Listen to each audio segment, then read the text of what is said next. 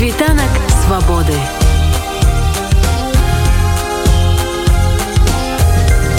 Світ вольнасці легалізацыя беларусаў ва ўкраіне справа не з лёгкіх. Вакол яе шмат спекуляцыяў. Але ж нават атрыманне часовага віду на жыхарства не гарантуе беспраблемнае уладкаванне на працу. Бо праца іншаземцаў рэгулюецца законам згодна з якім месячны заробак гэтага іншаземца мусіць быць не менш за 60 тысяч гривен а гэта могуць сабе дазволіць адзінкавыя працадаўцы. Таму большая колькасць іншаземца вымушана працаваць нелегальна каб хоць неяк выжываць. Гісторыя беларускіх кацярыны відавочны прыклад таго як лёгка патрапіць у працоўную залежнасць і не мець магчымасці абараніць свае правы. З ёй гутарыць моя калега алена прыходька як вельмі много беларусаў я апынулася ў украіне пасля падзей жніўня двадцатого года. Я удзельнічала у акцыях пратэста і у кастрычніку я была затрымана у меня былі суткі як у много кого. Штраф. Таксама я хотела на прадпрыемстве дзе працавала каб была забастоўка але забастоўкі не адбылося. Тады я сама вырашыла звольніцца адтуль і не платіць свои падаткі режиму. Ну а потым уже у снежні я вырашыла что не мае сэнсу заставацца ў беларусі. Я вырашыла выехаць і украина мне вельмі падабалась. Я такая краіна найбольш блізкая по духу нам беларусам. Тому я переехала у украіну. З якімі цяжкасцямі вы тут сутыкнуліся по легалізацыі і по працаўладкаванню? Цяжкасцей у гэтым плане много тому что ну, немагчыма просто тут заставаться столькі сколькі хочешь. 180 дней проходзяць вельмі хутка і легальна застаться не заплаціў грошы просто немагчыма трэба покупать Ну хтось гэта робіць так за невялікі кошт камусь прыходзіцца больш плаціць але ўсё роўна каб бясплатна просто вось заставацца тут ну, немагчыма легальна. Працу таксама вельмі цяжка знайти тому что работодатели пужаются гэтага что ты не не украінец не хочуць браць на нормальную работу. Просто відмаўляюць калі ты кажаш что не няма украінскага грамадзянства і не хочуць нават вдавацца падрабязнасці mm -hmm. як можна напрыклад афіцыйна тебе устроіць якія там патрэбны дакументы не хочуць просто лішніх для сябе цяжкасцей А у вас атрымалася нейкім чынам сабе внж аформіць тымчасовая так у мяне часовая внж таксама ну, давялося заплаціць за яго. Тым не менш маючы посведку на тымчасовае пражыванне працаўладкавацца афіцыйна немагчыма так? Гэта магчыма але толькі складанасцей столькі цяжкасць то есть гэта не нельга сказаць что зусім немагчыма але гэта такія перашкоды такія цяжкасць заканадаўства украінскае не подстроена потока людзі якія хочуць працаваць працавалі. Тым не менш менш чалавеку трэба за штосьці жыць за штосьці існаваць і неяк працаваць і ваш выпадак таксама такі тому что нам нават калі ёсць там нейкія грошы з якімі ты прыехаў яны хутка скончваюцца і без працы ну ніяк выжыць немагчыма вы насколькі я понимаю ўсё ж таки уладкаваліся кудысьці так? Так нейкі час я подработками жила там подпрацоўка там раздавала рекламу яшчэ что-нибудь такое а потым знайшла знайшла работу. Я думала что мне вельмі пашанцавала тому что там ну, не стали мне відмаўляць что тому что ты беларуска сказали что все узнаем как тебя оформить не волнуйся то есть все хорошо і поначалу я, я была вельмі рада что все так добра спачатку меня было стажыраванне навчанне на работе. Які тэрмін была стажыроўка ну недзе тыдзень недоўга потым калі ўжо прыйшоў дзень мяне оформляць пачалі разбірацца у аддзеле кадраў што яны не ведаюць якія павінны быць дакументы каб мяне афіцыйна оформіць яны пачалі выясняць гэта тэлефанаваць шукаць у інтэрнэце і сказалі што калі я знойдуць адказ як мяне правільна оформіць то тады со мной будут будет все официально заключен контракт. Пакуль что прапанавалі папрацаваць так неафіцыйна что гэта за праца? Пачатку я калі навчалася я навучалася на кухара сушыста аб'ява была на пошук кухара сушыста але калі мяне афіцыйна адразу не оформілі мне прапанавалі раздзельщикам рыбы помощникам кухара у цеху работать на заготовке продуктов для суши. Калі прыйдзе нейкая проверка на кропку дзе робяць суши каб не зацікавілись мною. Я на гэта згадзілася тому что ну, на той момант у мяне еще не не было официального трудоустройства тому пайшла туды рабіць які заробак вам абяцалі за гэтую працу і сколькі дзён і сколькі гадзін у дзень вы павінны былі працаваць? Абяцалі канешне вельмі добрую працу. Звычайны графік з 9 гадзіны до 6 вечара. Перапынак одна гадзіна на обед 8гадзінны рабочий дзень. Папярэдзілі что могуць быць перепрацоўки больше гадзін но за это все будет э,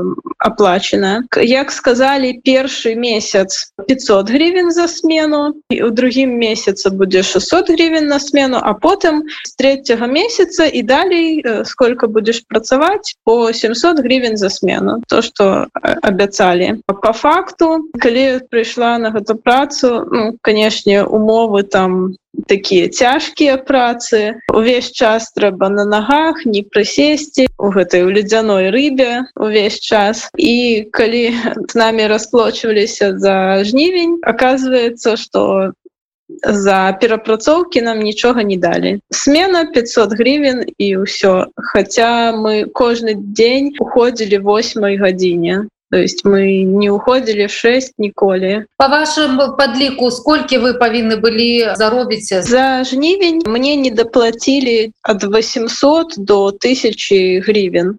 Ну, то есть гэта не выплацілі А за ўвесь час сколькі вы прапрацавалі я прапрацавала з 9 жніўня до 13 кастрычніка і мне не даплацілі 17 тысяч гривен. Немало. Калі я спыталася чаму у нас павінна быць уже 600 гривен. Быў адказ что мы дрэнна працуем что навогул калі мы будем так працаваць то нас выганяць і ці будуць штрафы. А, ну дрэнна дрэнна працуем гэта выражалось у невыполнимых условиях. Напрыклад ящик рыбы там 10 килограмм менш за 40 хвілін трэба полностью там очистить от шкуры от луски от костей и нарезать маленькими шматочками. Калі вы гэта не выконваете вы дрэнна робіце вы нічога не хочаце рабіць і і так гэта стасуецца любой работы. То есть просто даецца немагчымая невыполнимая работа каб потом э, сказать что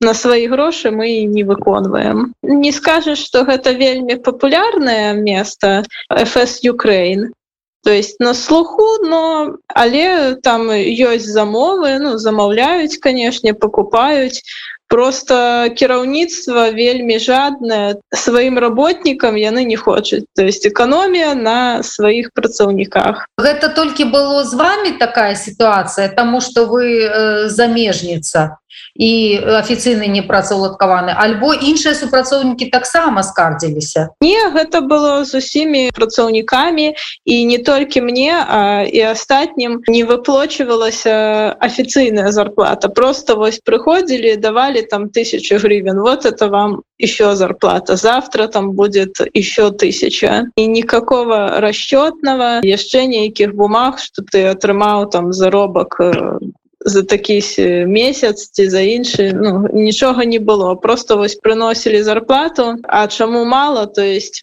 дрэнна працавалі гэта можна ўвогуле сказаць что сколько хотели столько і платили. Акрамя вас там былі яшчэ замежныя супрацоўнікі конкретно у цеху нас было э, трое. Я одна была беларуска астатнія грамадзяне Украіны чым скончылася ваша спрэчка з працадаўцам ці атрымалася вам павярнуць свой заробак як увогуле вырасталіся я так разумею з ім Ну я паглядзела на тое якія там заробкі якія умовы і вырашыла оттуда уволіцца Ну, я сказала про гэта свайму кіраўніку что не хочу больш працаваць на что мне было адказана что я уже уволена і что я навогул там ніколі не рабіла і что я павінна пайсці нецэнзурнай мне далі адрес куды пайсці ну адразу хамства оскорбление. Я была ў шоке і я сказала что я не уйду без сваіх грошай то есть я зарабіла я павінна была атрымаць 17 тысяч. Муж кіраўніцы Ён тады просто схапіў мяне за руки пачаў заламываць іх за валасы схапіў і ну просто пачаў выкідаць з памяшкання Ну, гэта было навогуле нешта падобнае на тое, што робіць міліцыя у Беларусі з пратэстоўцамі лицом в пол заламаць руки. Я патэлефанавала в паліцыю, а таксама я адразу звярнулася за дапамогай да ну, сваёй дыаспоры да беларусаў, напісала у суполку беларускі дом в Украіне, і мне адразу прыйшлі на помощь наши беларусы то есть приехали хутенько туды раней чым прыехала поліцыя нічога добрага не атрымалася тому что просто закрыў дзверы на ключ начальнік то есть ну, ён закрыў дзверы в цех і попасть туда было немагчыма ні ніякага адэкватнага разговора ён не казаў ён адказваў что я навогул тут не, не працавала что мяне не ведае першы раз бачыць потым начал казаць что яна прыходзіла ну толькі тры дні працавала. А паліцыя калі прыехала паліцыя якая размова атрымалася ці не потым прыехала паліцыя ён уже адчыніў дзверы я і ён разам з паліцыяй мы пайшлі у аддзел бліжэйшие я написала заявление ну, написала як ёсць еще зусім мало часу я написала заявление ну гэта все адбылося 18 кастрычніка у панядзелак ну пакуль что в паліцыі мне нічога не кажуць А ну, что вам сказали калі прыняли заяву от вас? Что вам сказали? Якія ваши далейшие дзеянні ці праз сколькі чакаць нейкі адказ наўрад ці можна штось доказать тому что я там была неофіцыйна я там неофіцыйна працавала то есть ніякіх документаў няма что я там была. У гэтым памяшканні былі камеры відеоназірання але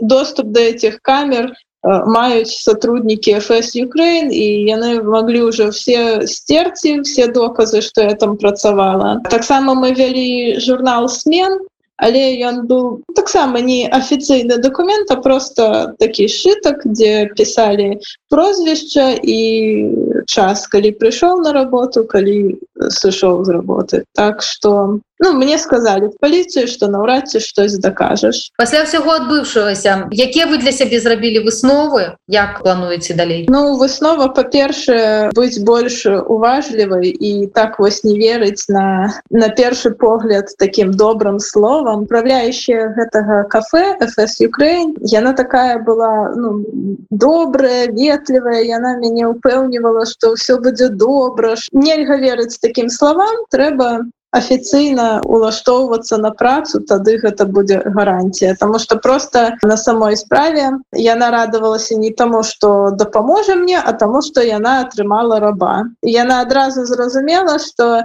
в маей сітуацыі я буду рада любой працы гэтым яны выкарысталіся беларуска кацярына распавяла маёй калезе але не прыходзька пра свае спробы ўладкавання на працу світанак свабоды